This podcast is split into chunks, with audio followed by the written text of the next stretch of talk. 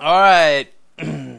well, um, hopefully you're doing the reading. Man, I keep I feel like I keep saying that, but y'all, I think one of the my favorite things about what we're doing as church is um, how we read along together. And I know that it can be intimidating and a lot of passages, a lot of reading. If you miss a day, if you read just a little bit, just try to do stay in tune with us, uh, with in tune with what the Spirit of God's doing in, among us.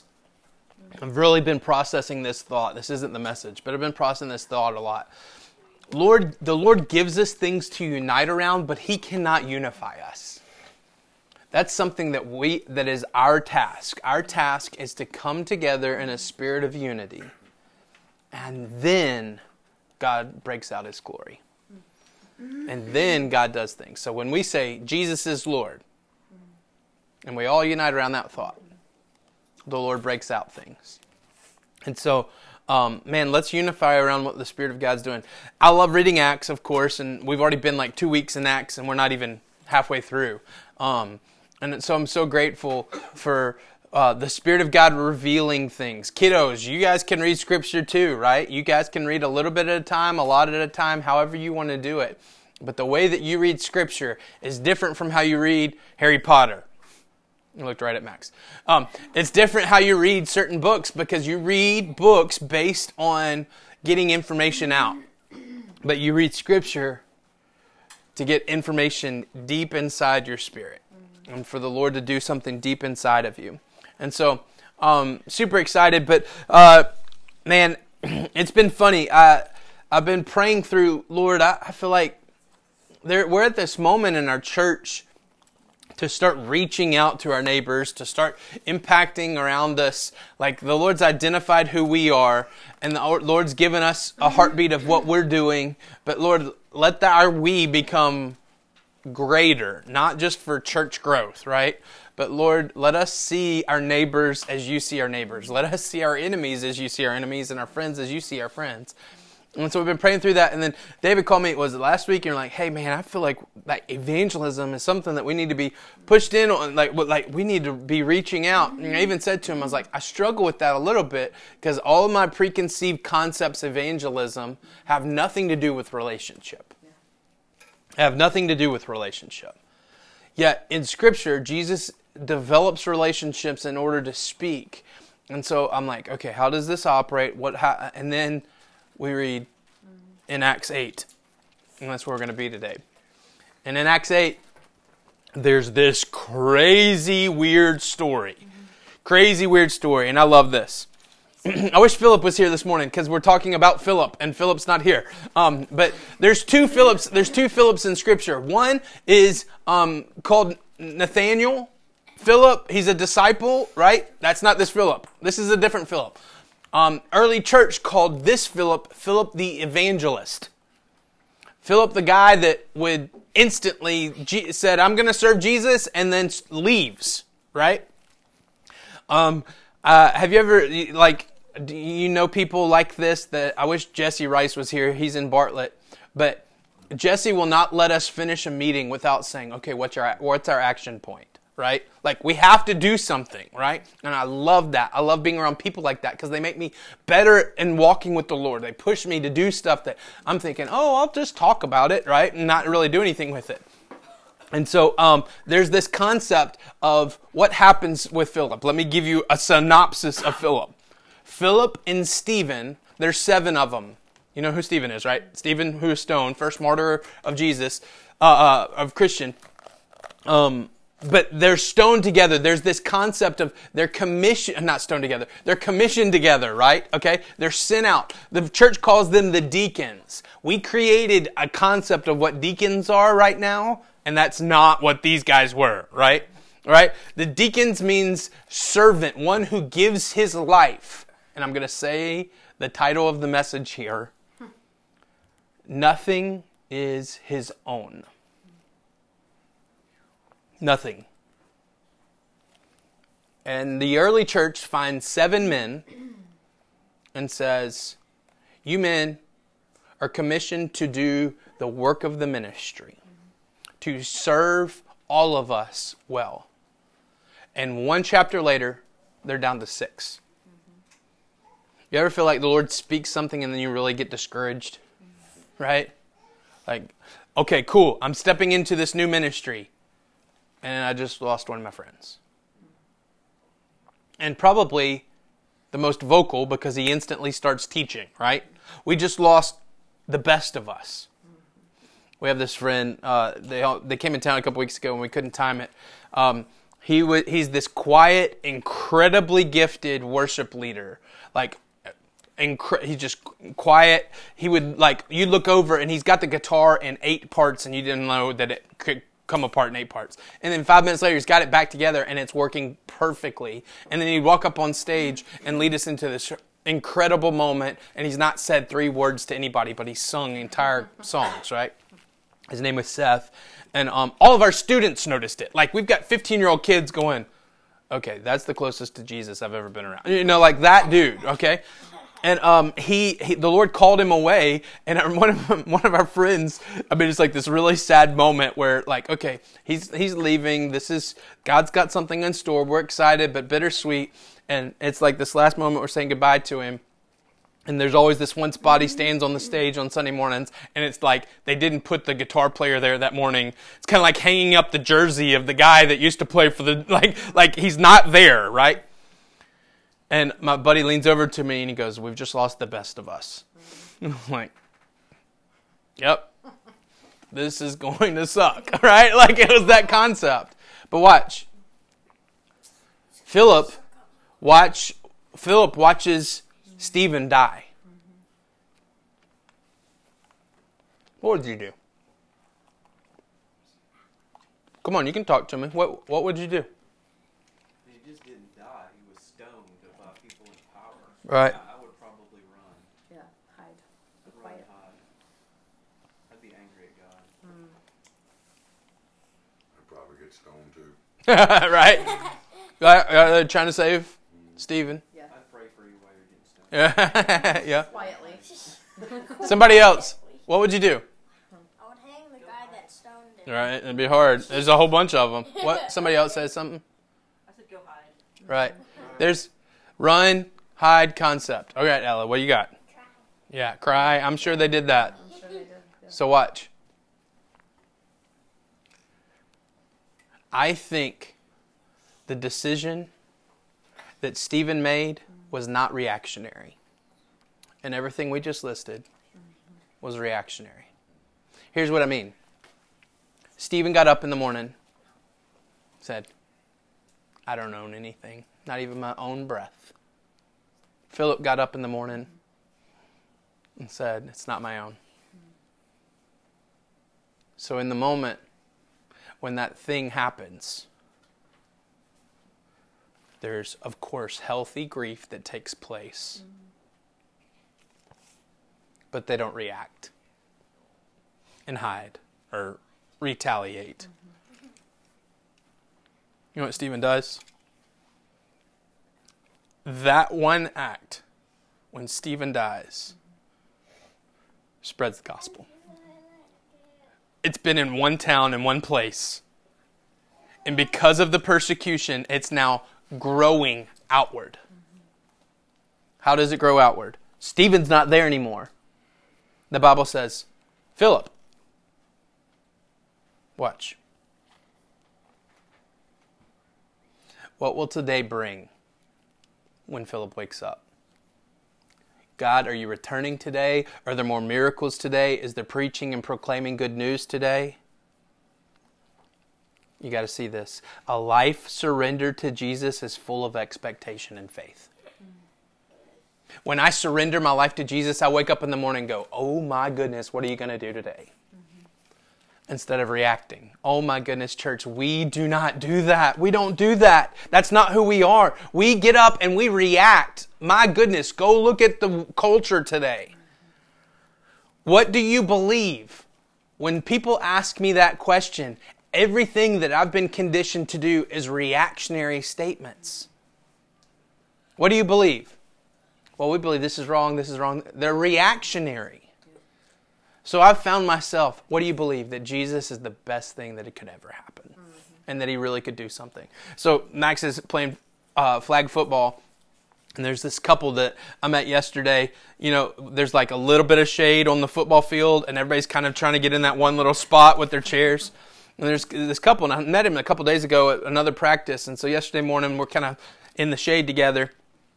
And PhD student at University of Memphis from Boise, Idaho, has a algorithm through uh, accounting where he he literally told me, and he was not like arrogant. He literally said, "I could go right now and start a million dollar company in two weeks on Wall Street."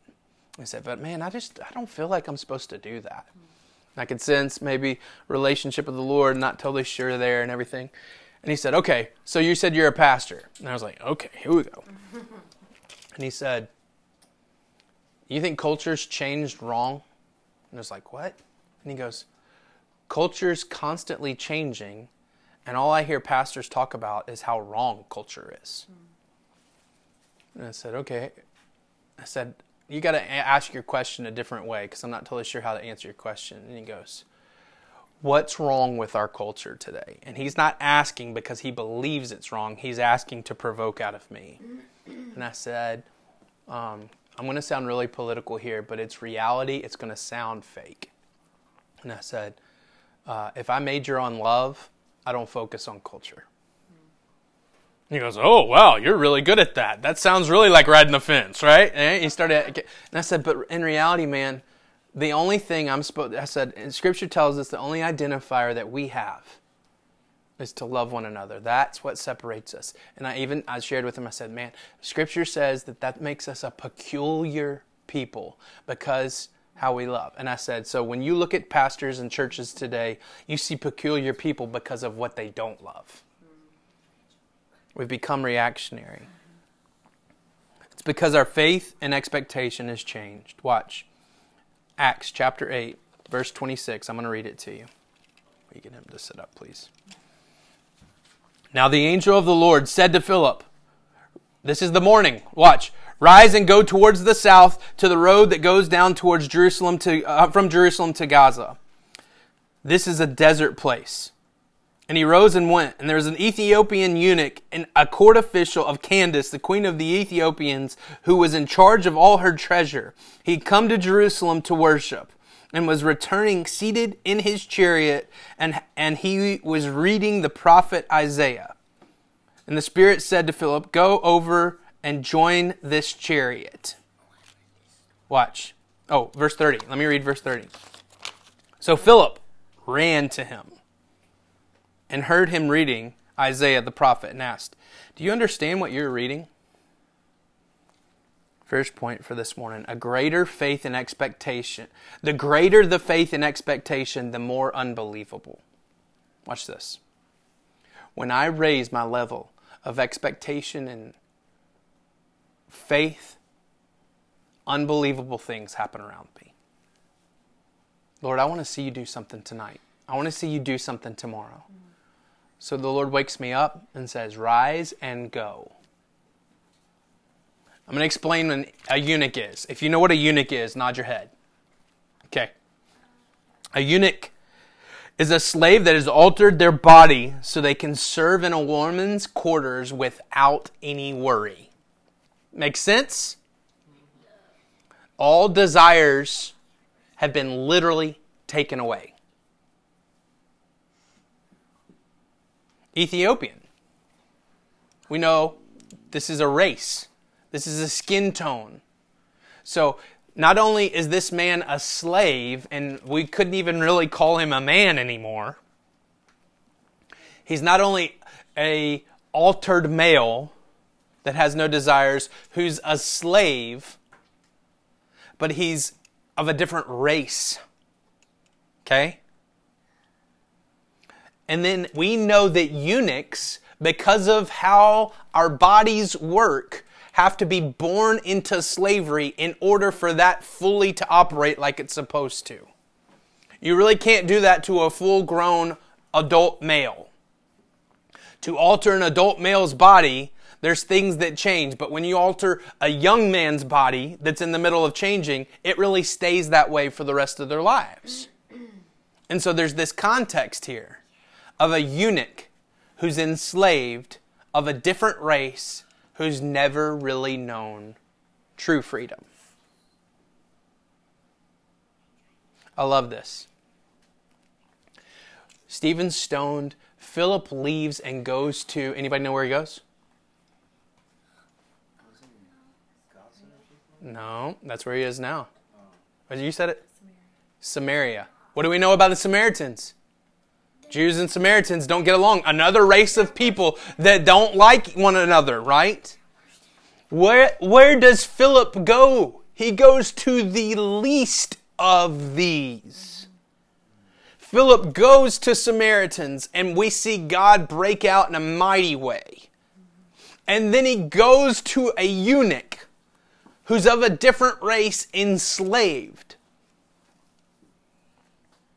Did Philip have a strategy for going to lower class citizens? No, he did not. It just looks that way, right? What's Philip's strategy? Wake up. The Bible says, Philip, rise and go, is what God said to him. The Spirit of the Lord is speaking directly the strategy of God into Philip's heart. Philip, Stephen's dead. Okay, now here's what we're going to do to reach the world. No. He would have never left Jerusalem. Listen to me, y'all. I will never, ever do the thing that I, I, my concept of reaching people is nothing like God's concept of reaching people. God wants me to go to those who are the least of these. Hmm, I love this. When I walk in full surrender, God speaks, I obey, and there's no room for prejudice or opinion. Wait, wait, God. No, they like Alabama. I'm a Tennessee fan. it doesn't play that way, does it? No, God, they really, really are pro choice and I'm pro life. No, God, they hate you. They hate us. There is no opinion, there is no prejudice. So, why haven't I seen more situations like this? I, li- I laughed last night. I said it a ton. Um, apparently, Jim Gaffigan is stuff that white people like. Right? Right? Like, you know, did you notice that? Yeah. Notice that? And we sit down, there's two seats in front of us, an African American couple sits right in front, and I literally, I'm looking around the entire forum, I'm like, y'all are unique in this situation. I find myself in those situations too often, where I'm around white middle class men and I guarantee you, God has said in some context, rise, get up, and go this way. And I've missed it. Why? Why do I do that? Because it's too much of me. Eh, we would, we would not call that prejudice, but ultimately it is prejudiced. I just don't realize it. We would not call that any type of, any, it's just too much of me. It's too much of my own opinion, too much of my own prejudice that I don't see, see and deal with. And watch, this is not a racial thing, this is an eternal thing. I laughed at a pastor the other day that I'm sitting across the table from. He said, Are you multi ethnic? And I said, I hate when churches put that on their signs. Because it's like we've accomplished this. When in essence, there's still tons of ethnicities we've not reached. There's tons of people groups that have not received the gospel. It's after eternal things. So please don't see that I'm trying to collect or reach a status. I'm trying to take the gospel wherever Jesus says. When I try to become multi ethnic and multiracial, I create a strategy that's man made based around it versus seeking Jesus and Him saying, Rise, get up, and go over here.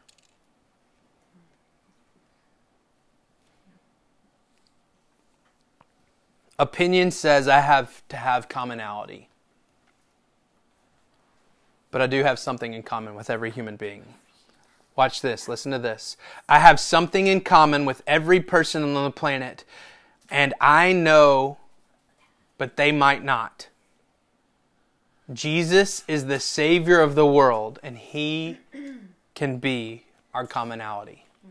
I said this last week in Bartlett. One day, every knee will bow, every tongue will confess that Jesus is Lord. One day, every person ever created will be under one unified context, and it is He's King of Kings and Lord of Lords. And if we have the expectation, the faith to believe heaven can really come to earth, as Jesus told us to pray, let's expect that commonality can happen now. We can see lots of people bow their knees now. Watch. How do we do it? A life surrendered to Jesus is used by Him. I'm not talking to you. I couldn't find Send Down the Rain, new from the author of The Mountains Between Us and the New York Times bestseller Where the River Ends hush. in your Kindle library. Alexa, stop. You can buy it Alexa, on. Amazon.com. Wow. Wow. She's pushy sometimes. Right. Let me keep going. That was a digital denom- demonic. Right. Yeah, yeah, yeah, yeah. Everybody's like, the government's listening. I hope the government's listening. I'm preaching the gospel right now.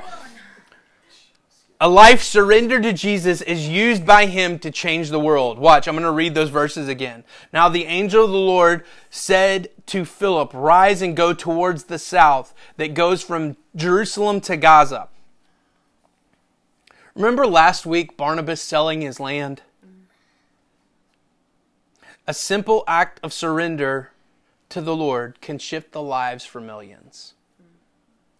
Barnabas surrenders his land, and because of that, he becomes the encourager of the brethren, which brings Paul into the group, which takes the gospel to Antioch, which sees all these things happen because of that one act of surrender.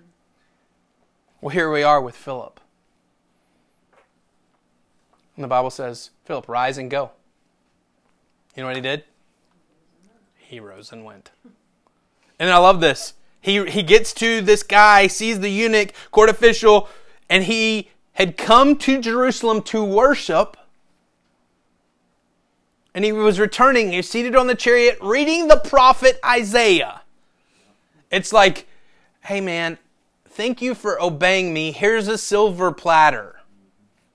God has literally laid this out easy for him. And you know what the Bible says? So the Spirit said to Philip, Go over and join him on his chariot. And so he ran to him.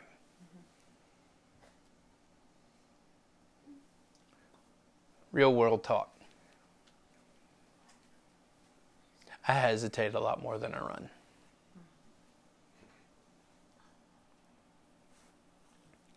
I hesitate going, Lord, is that really you? Trying to make it spiritual hesitation. And that's not a real thing. I hesitate, Lord, this seems dangerous. I hesitate, Lord, is he really ready? I hesitate, and here's where we all fall. Lord, that's really just not me.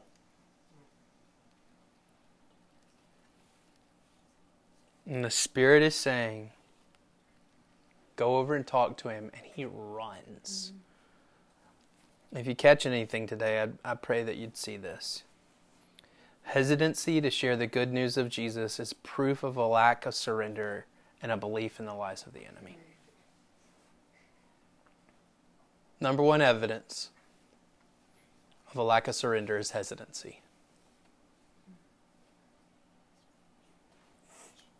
The Lord gave me this this past week. And if you could really follow the train of thought, almost drew it out, but I can't draw.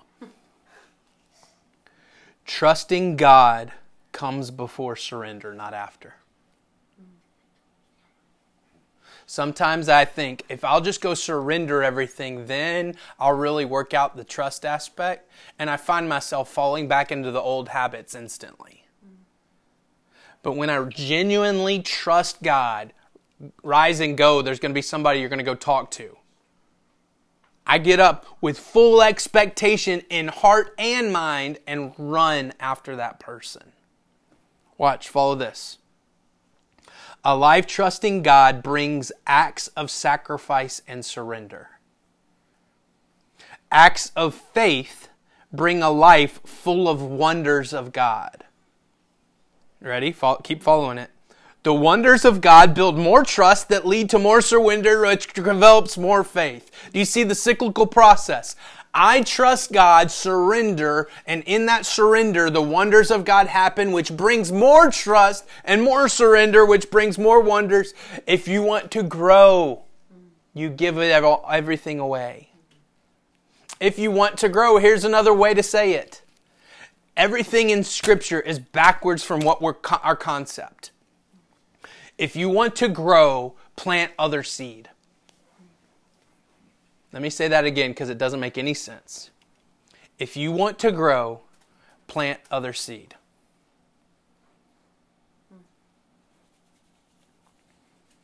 A life that's filled by the spirit. Let me say that again. A life filled by the Spirit is in full faith, full surrender, with no hesitation. What's scary about it? Let's talk about it for a minute.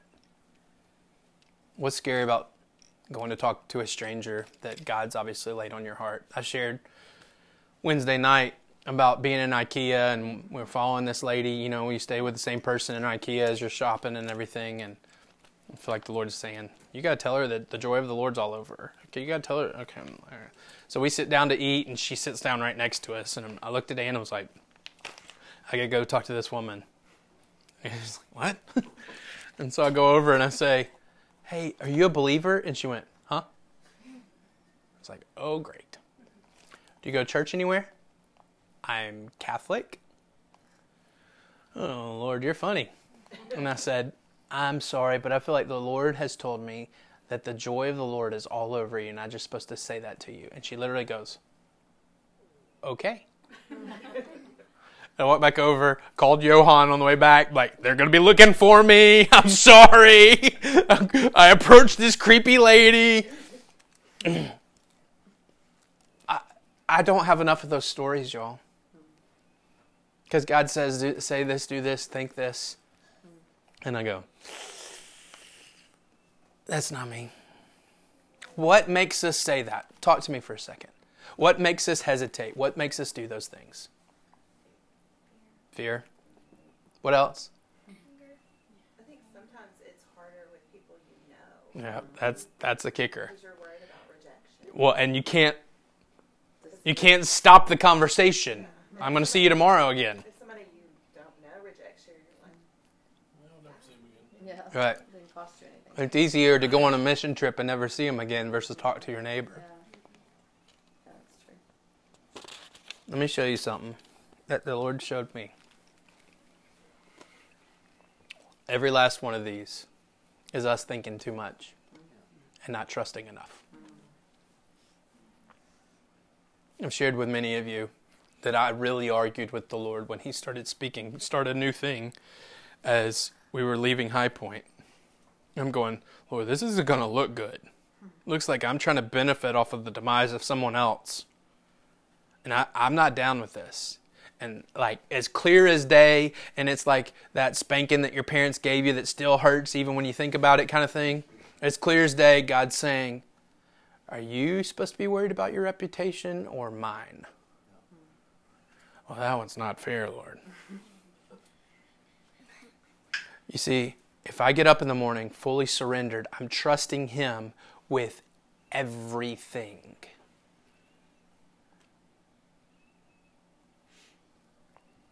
Point three. When I trust Him with everything, watch what happens. God has hearts prepared for Him, but He is just waiting on our obedience. Verse 31. Remember, Philip's just asked him, Do you understand what you're reading? He's reading Isaiah 53. I'm going to read it to you in a second. I'm going to read to you what he is reading. 31. And he said, How can I unless someone guides me? And he said, or, and he invited Philip to come up and sit with him. Now, the passage of scripture that he was reading was like this Like sheep, we've been led to a slaughter. A lamb before the shearer is silent, so he opens not his mouth. In his humiliation, justice was denied. Who can describe this, his generation? For his life was taken away from the earth. And the eunuch said to Philip, About whom, I ask you, does this prophet say this? About himself or about someone else? I'm going to stop there and read Isaiah 53.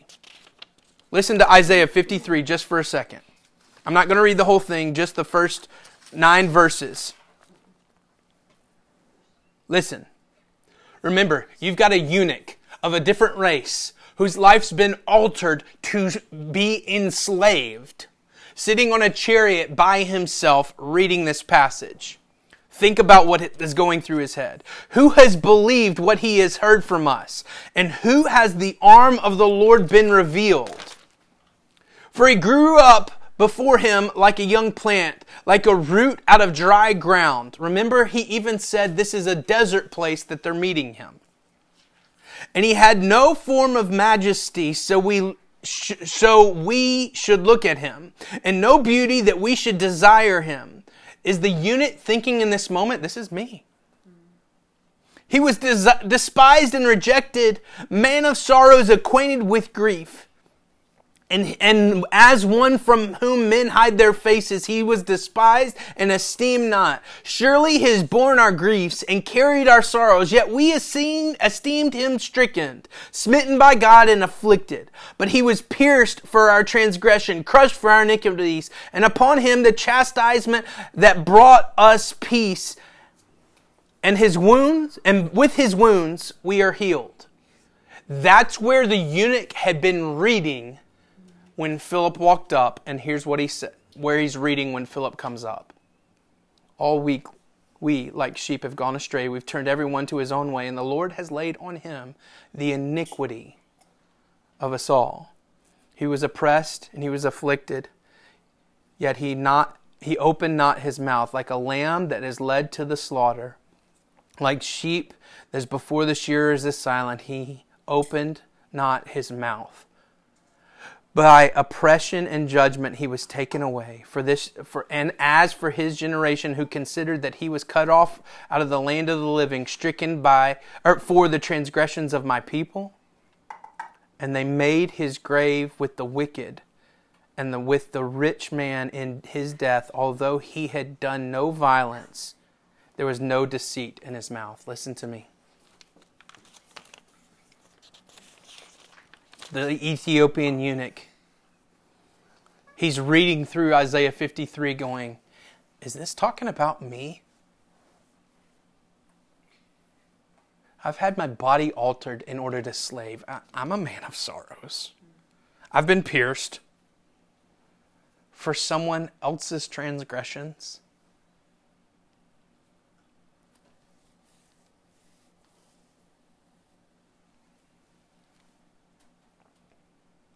We have a Savior that can connect to any human being on the planet. The Ethiopian eunuch is reading and is thinking, okay, wait a second, this is somebody different than me, but it sure seems awfully alike. He might have a good life, but a man of sorrows he can probably attest to.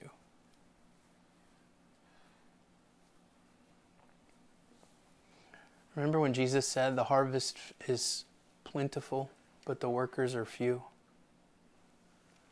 Few of us respond like Philip.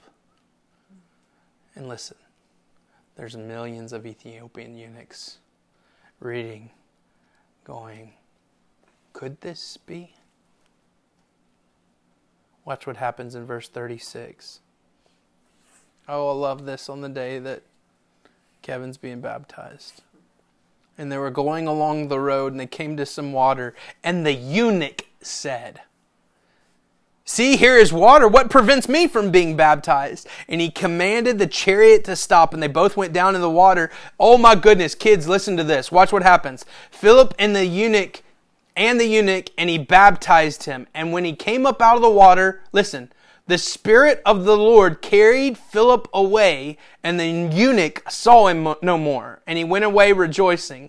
But Philip found himself in a tos, I can't ever say it, Azotus, and he passed through and preached the gospel to all the towns that he came through Caesarea. Watch. He's like, here's some water. I want to be baptized. Let's go do this right now. And Philip's like, let's go do this right now. He dunks him. I bet they embrace, they hug, they look at each other, and Philip disappears.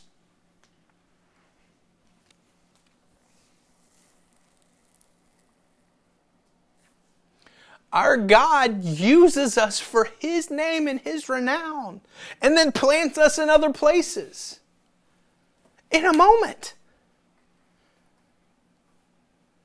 Philip disappears, finds himself in another town. What does he do? Starts preaching there. He doesn't stop. He didn't go tell the story. Dude, I was just outside of Gaza.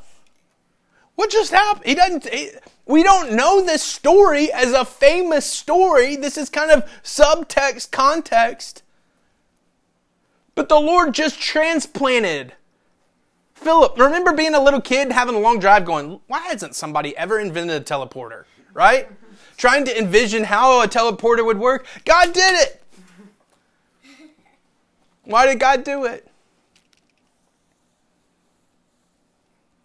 We have a Savior that's relatable to all humans, thus, we don't have to be.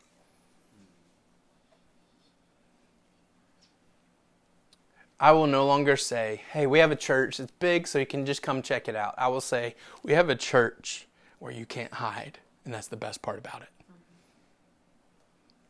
I know when you're struggling, I feel it. We feel when someone else is hurt.